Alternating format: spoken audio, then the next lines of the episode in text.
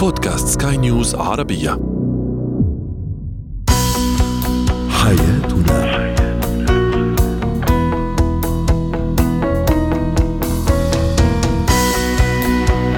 أهلا بكم مستمعينا الكرام إلى برنامج حياتنا برنامجكم اليومي الذي يعنى بشؤون الأسرة وباقي الشؤون الحياتية الأخرى والذي يمكنكم الاستماع إليه عبر منصة البودكاست لسكاي نيوز عربية. معي أنا طيبة حميد.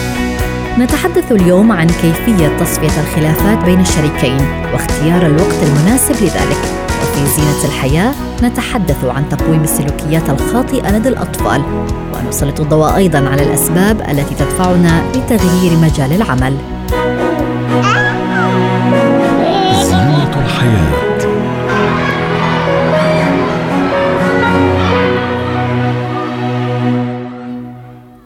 بكاء الطفل التدحرج في السوبر ماركت عندما يريد شيء الصراخ التشبث بالأهل عند الخروج إلى الشارع أو أن يقوم بضرب الحيوانات أو حتى التلفظ بألفاظ بذيئة. هذه بعض سلوكيات الأطفال الخاطئة والتي قد يكتسبونها من محيطهم سواء نتيجة لدلال الأهل في البيت أو من أقرانهم في المدرسة أو حتى أقاربهم. فكيف نتعامل مع هذه السلوكيات ونقومها؟ هذا ما سنناقشه مع الخبيرة التربوية فادية دعاس. أهلا بك أستاذة فادية آه، معنا ضمن برنامج حياتنا. يعني هذه السلوكيات الخاطئة التي ذكرناها في المقدمة. بالفعل تحتاج لتقييم في البداية ومن ثم اختيار الأسلوب المناسب للتعامل معها. هل هذا صحيح وكيف نقيم سلوك الطفل؟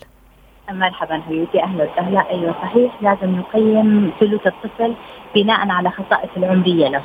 انه الطفل بيتعلم وبيستكشف ففي بعض السلوكيات اللي بيعتبروها الاهل سلوكيات سلبية هي مجرد اكتشاف ومحتاجة منا فقط التقنين وتربيته على انها هذا السلوك سلوك راح يدرك في المستقبل أو سلوك سلبي أو خاطئ.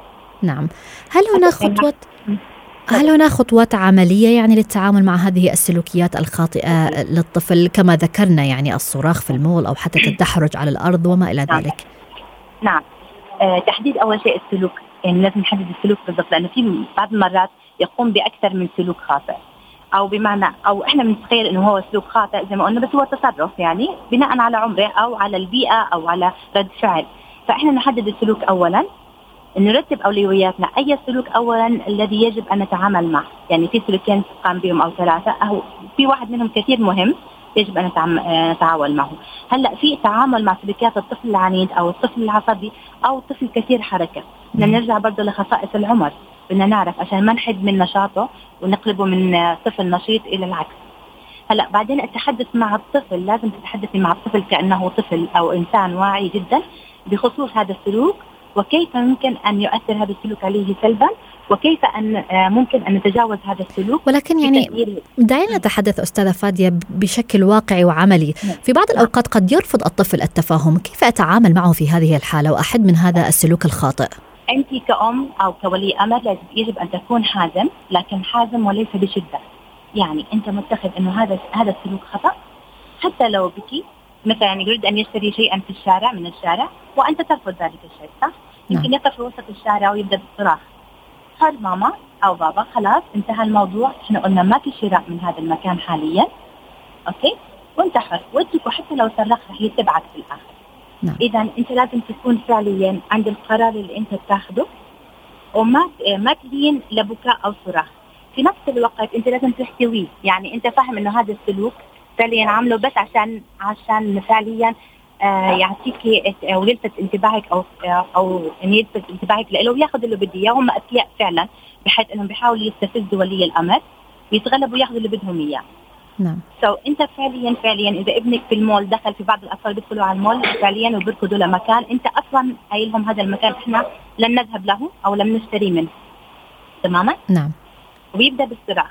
لا انت سير في مك... سير الاتجاه اللي انت متفق معه بالأول عليه وهو راح يلحق بك أو تلحق بك هل يجب أن نلجأ دائما إلى العقاب أم هناك بعض السلوكيات لا تحتاج إلى العقاب؟ لا لا نلجأ إلى العقاب ابدا. العقاب هذا وإذا كان مضطرين للعقاب في سبيل للعقاب بس بينك وبينه هذا اولا.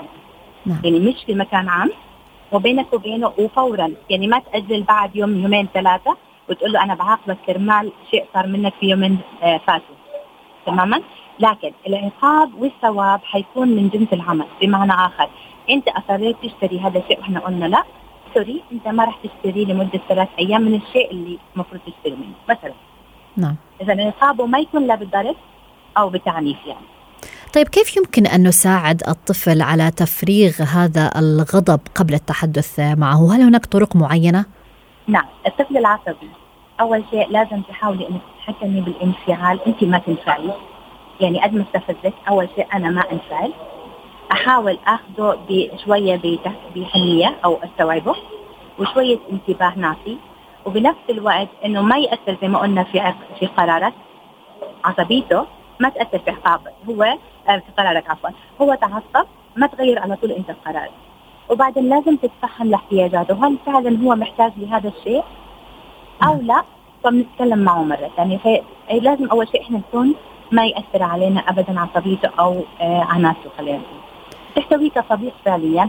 وتعرفي بالضبط إيش هي آه الصفة الشخصية بالنسبة له تحتويه قدام الناس والاهتمام والصبر أكيد. الصبر والصبر يعني ما في غير. هل يجب أيضا أن نتبع أسلوب المدح والثناء؟ المدح والثناء عزيزتي ليس لشخصه لكن لعمل قام به يعني نعم. ما تقولي شيء سلبي فيه وتقولي لأنك تصرفت كذا. لا هذا التصرف خاطئ لا يليق بالطفل جيد أو طفل ممتاز أو طفل طيب مثلك الأطفال الجيدون أو الأطفال الرائعون لا يقومون بمثل هذا العمل، إحنا نركز على العمل أو على السلوك ولا نؤثر ولا نركز على شخصيته، يعني لا نعته بصفات جميل. معينة. يعني مثلا تصرف سيء أنت سيء اليوم كنت سيء جدا. لا هو لم يكن سيء جدا. هذا التصرف لو سمحت لا يعني لا يجدر بك أن تفعله لأن الطفل الجيد لا يفعله. جميل، شكرا لك على جميع هذه النصائح الخبيرة التربوية فادي دعاس. حياتنا.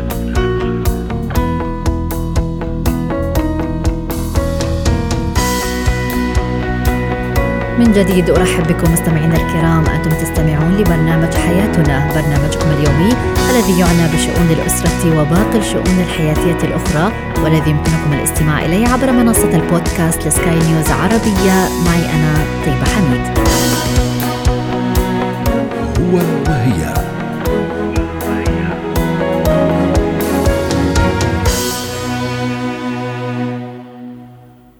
أفضل وقت لتصفية الخلافات بين الشريكين قد يختلف من شخص لآخر ومن وقت لآخر كما يختلف الموضوع بين الرجل والمرأة وأيضا بحسب الموقف والوقت. وفي نفس الموضوع نتحدث أيضا أن تأخير تصفية الخلافات قد يفاقم المشكلة مثل ما يمكن للتسرع والتعجل أن يجعل الخلاف أكثر تعقيدا. فكيف يمكننا أن نوازن بين كل هذا ونميز الوقت المناسب لتصفية الخلاف مع الشريك؟ هذا ما سنناقشه مع الاستشارية النفسية والأسرية ميسون حمزة. أهلا بك أستاذة ميسون معنا. هناك أشخاص واضحون عند حل الخلافات فمثلا يعني نجد من يقول اتركني قليلا وبعدها نتحدث وهناك من يقول اتركني ولا يعني الكلمة بل العكس يعني قد يقصد بها تمسك بي أكثر. كيف يمكن للشريكين اليوم أن يفهما طبيعة بعض عند الخلافات وبالتالي يستجيبان لهذه الاختلافات؟ أهلا وسهلا بك وبجميع المستمعين. آه، طبعا كما تفضلت في المقدمة أن آه، كل آه، أسرة أو كل شريكين لهما خصوصية يتمتعان بخصوصية معينة.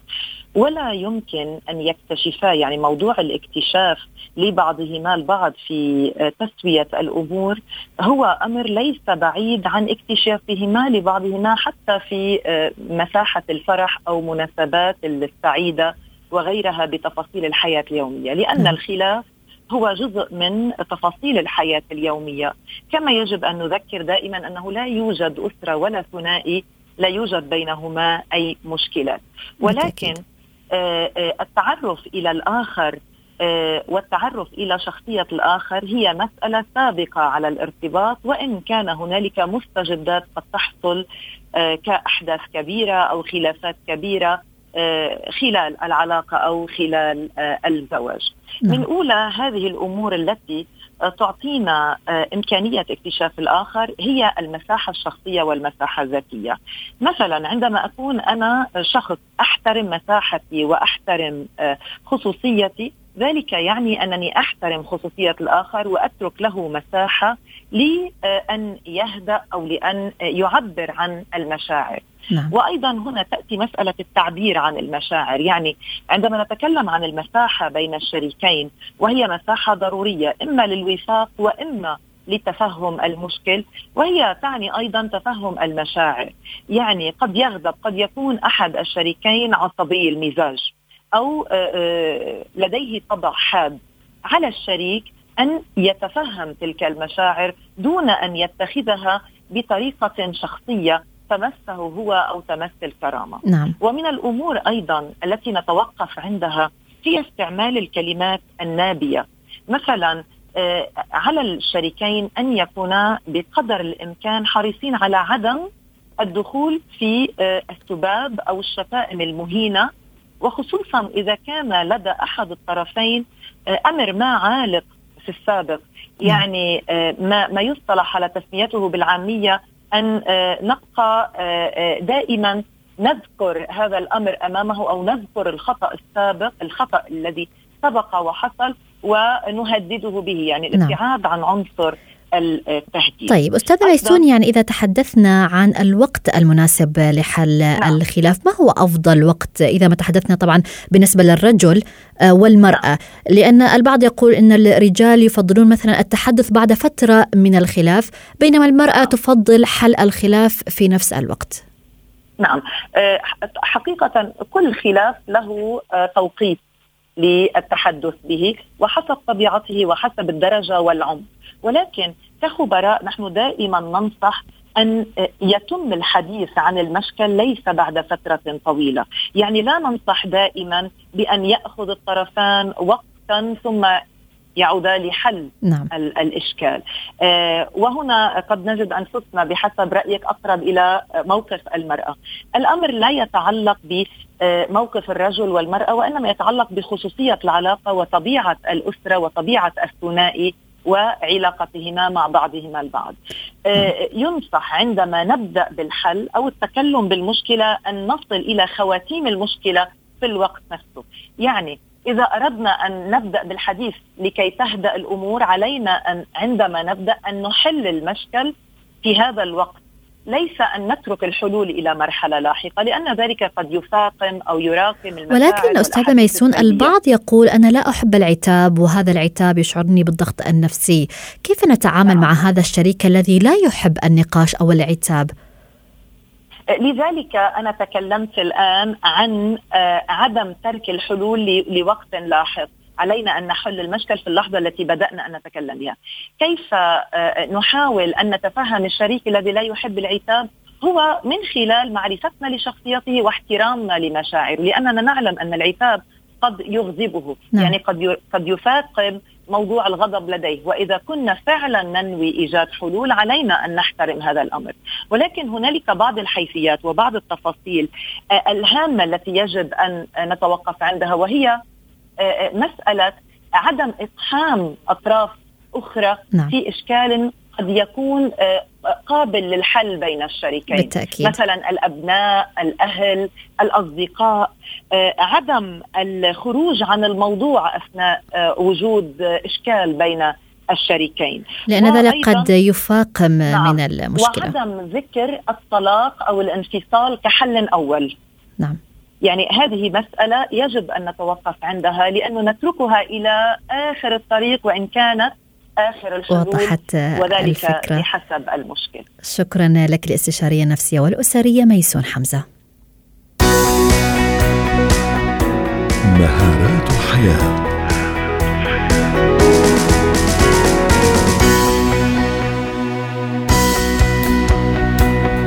البعض يرى أن تغيير الوظيفة هو من الأمور المخيفة التي قد يفكر الشخص ألف مرة قبل الإقدام عليها. وربما يبقى البعض يفكر بهذه الخطوة طوال حياته دون تنفيذها وخاصة عند الوصول إلى سن الثلاثين وما بعد. ففي هذه الفترة يصبح الأمر أشبه بالمستحيل لدى البعض آه، لوجود خبرة جيدة في مجال العمل تدرج وظيفي استقرار في مؤسسة واحدة لعدة أعوام. جميع هذه الأمور قد تدفع الشخص إلى إلغاء فكرة البدء من جديد وتغيير مسار العمل. انطلاقا من هنا طرحنا السؤال التالي على مواقع التواصل الاجتماعي لسكاي نيوز عربية فيسبوك تويتر إنستغرام ما الأسباب التي تدفعك لتغيير مجال العمل؟ مهارات الحياة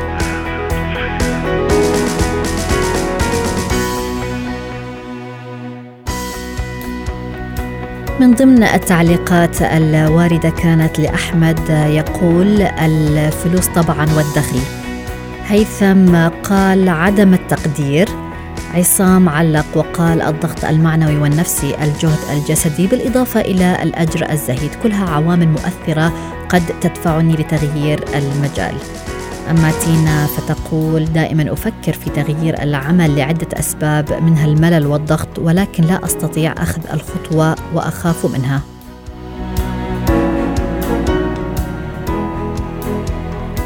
إذا للحديث عن هذا الموضوع تنضم لنا مدربة مهارات الحياة نور هشام.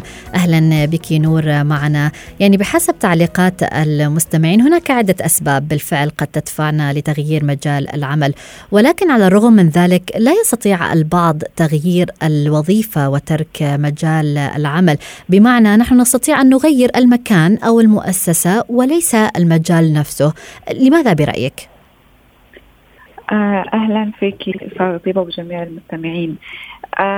بالنسبة لتغيير مجال العمل أو لماذا أو الأسباب اللي بتخلينا نغير مجال آه، العمل أول شيء حابة أعلق إنه ما في عمر معين إنه أنا بدي أغير مجال العمل أو لا. أنت في أي وقت وفي أي عمر كان عندك الأسباب اللي رح نحكي عنها موجودة أنت بتقدر تغير.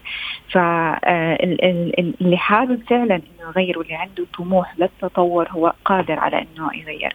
ففعليا آه، إنه نغير المجال أو المكان هي اللي حابب إنه يغير حيغير حتى لو المجال. في أشخاص ممكن يعيدوا يدرسوا شيء ثاني هم ما زالوا في عمل مشان يبنوا مستقبل. آه، آه، أكبر بالنسبة لهم أو لعائلاتهم. لو بدنا نقول عن الأسباب اللي حتخليني أنا أفكر أبدأ أفكر فعليا في تغيير المجال نعم. أو في تغيير مكان العمل. آه، السبب الأول هو فعليا أسباب ممكن تتقسم. قد تكون أسباب من الشخص نفسه قد تكون أسباب من المحيطين في الشخص ممكن من زملائه في العمل وقد تكون أسباب من المكان نفسه أو المؤسسة اللي الشخص بيعمل فيها. بالنسبة للزملاء والمؤسسات نعم الأسباب موجودة لكن أنت ما بتستطيع إنك تغيرها هي خارج إطار تحكمك، الشيء الوحيد اللي داخل إطار تحكمك وأنت بتستطيع إنك تغيره هي الأسباب اللي متعلقة فيك أنت كشخص، هي الوحيدة اللي أنت ممكن إنك تتعامل معها وتتحكم فيها وبناء عليها يكون التغيير. وهنا تقصدين طيب. مثلا الخوف من التغيير؟ تماما. آه آه أنت خائف خايف من التغيير. أنت الوحيد اللي قادر إنك تواجه هذا الخوف وقادر على إنك آه تغير وقادر إنك تعرف أسباب الخوف اللي عندك. ليه أنت خايف آه من هذا التغيير. هل خايف من آه الزملاء الجداد اللي راح يكونوا عندك؟ هل خايف من الوظيفة أو ال tasks اللي هي المهام اللي راح يعطوك إياها. آه، هل خايف من تغيير روتينك؟ آه، اليومي في أشخاص روتينيين ما بيحبوا إنهم يغيروا أي شيء أي تغير بسبب لهم قلق آه، أو نوع من الخوف. فلو نمر سريعا على الأسباب اللي ممكن تدعو الشخص على إنه يبدأ إنه هو يفكر يغير، السبب الأول هو من الشخص نفسه، يبدأ الشخص يشعر بإنه هو ما عنده أي رغبة أو أي شغف. لأنه هو يبقى في هذا المجال أو في هاي الشركة أو في هاي المؤسسة، وفعليا إذا أنت ما عم بتحب الشيء اللي أنت عم عم تعمله فانت فأنت لازم إنك تغيره. لأنه أنت عم تقضي تقريبا ثمان يعني متوسط إنه الشخص بيقضي ثمان ساعات من يومه في العمل. فلو أنت عم تقضي هاي يوم ورا يوم هاي ثمان ساعات شهر ورا شهر سنة ورا سنة في شيء أنت ما بتحبه ما عندك شغف فيه ففعليا أنت نعم. لازم جديا تبدأ تفكر بالتغيير آه سبب آخر إنه المكان اللي أنت عم تعمل فيه أو عم تشتغل فيه عم يتعرض لمثلا نوع من الانهيار أو نوع من التفكك أو ما عاد بالمكان اللي كان فيها أول ما بدأت معاهم. فأنت فعليا لازم تبدأ تفكر في التغيير لمكان آه أفضل. في بعض الأحيان المدير العمل أو الموظفين اللي موجودين مع الشخص في العمل قد يكونوا هم السبب اللي بيخلي الشخص إنه يغير. ولكن النقطة اللي هون بدنا نقولها إنه في بعض الأشخاص عند أول مشكلة مع المدير أو عند أول مشكلة مع الزملاء على طول بقول أنا بدي أغير العمل. لا نعم. هو مش بهاي الطريقة. أنا بعالج المشكلة في المرة الأولى والثانية وحتى العاشرة.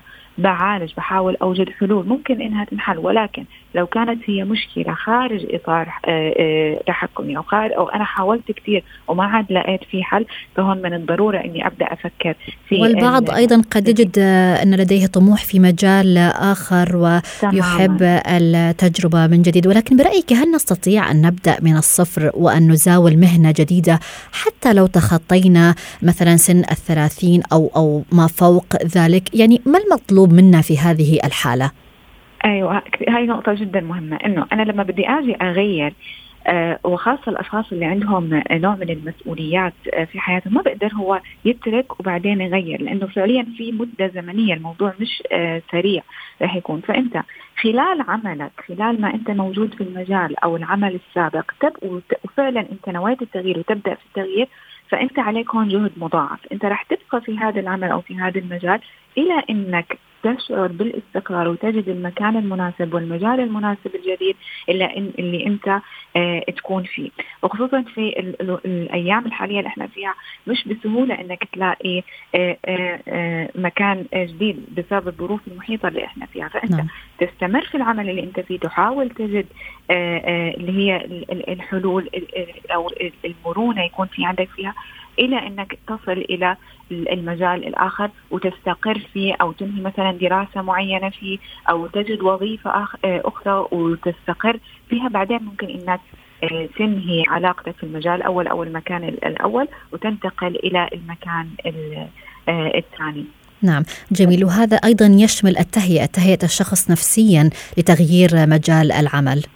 فعليا تماما فعليا التهيئة بتبدأ من قبل ما أنت أساسا تدخل مجال العمل الجديد. هي تبدأ من من مجرد البحث عن هذا المجال الجديد آه، بيبدأ موضوع التهيئة. فهو مش ما بيبدأ من لما أنت تروح على المجال الجديد لا هو من آه، من قبل. التهيئة قد تكون نفسية قد تكون آه، بالتفكير فعليا حتى التغيير في المظهر الخارجي للشخص اللي هو ال first نعم. impression أنت لما بدك تروح على مكان جديد أو على مكان على مجال جديد فأنت حتى الملابس اللي بتلبسها الشكل الخارجي لك كله راح آه، آه، يكون سبب في الموضوع التهيئة. نعم. آه لما أنت بدك تنتقل للمجال الجديد.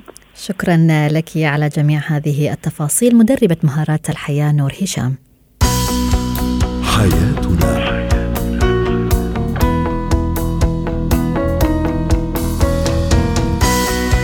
إلى هنا نصل وإياكم مستمعينا الكرام إلى ختام برنامج حياتنا.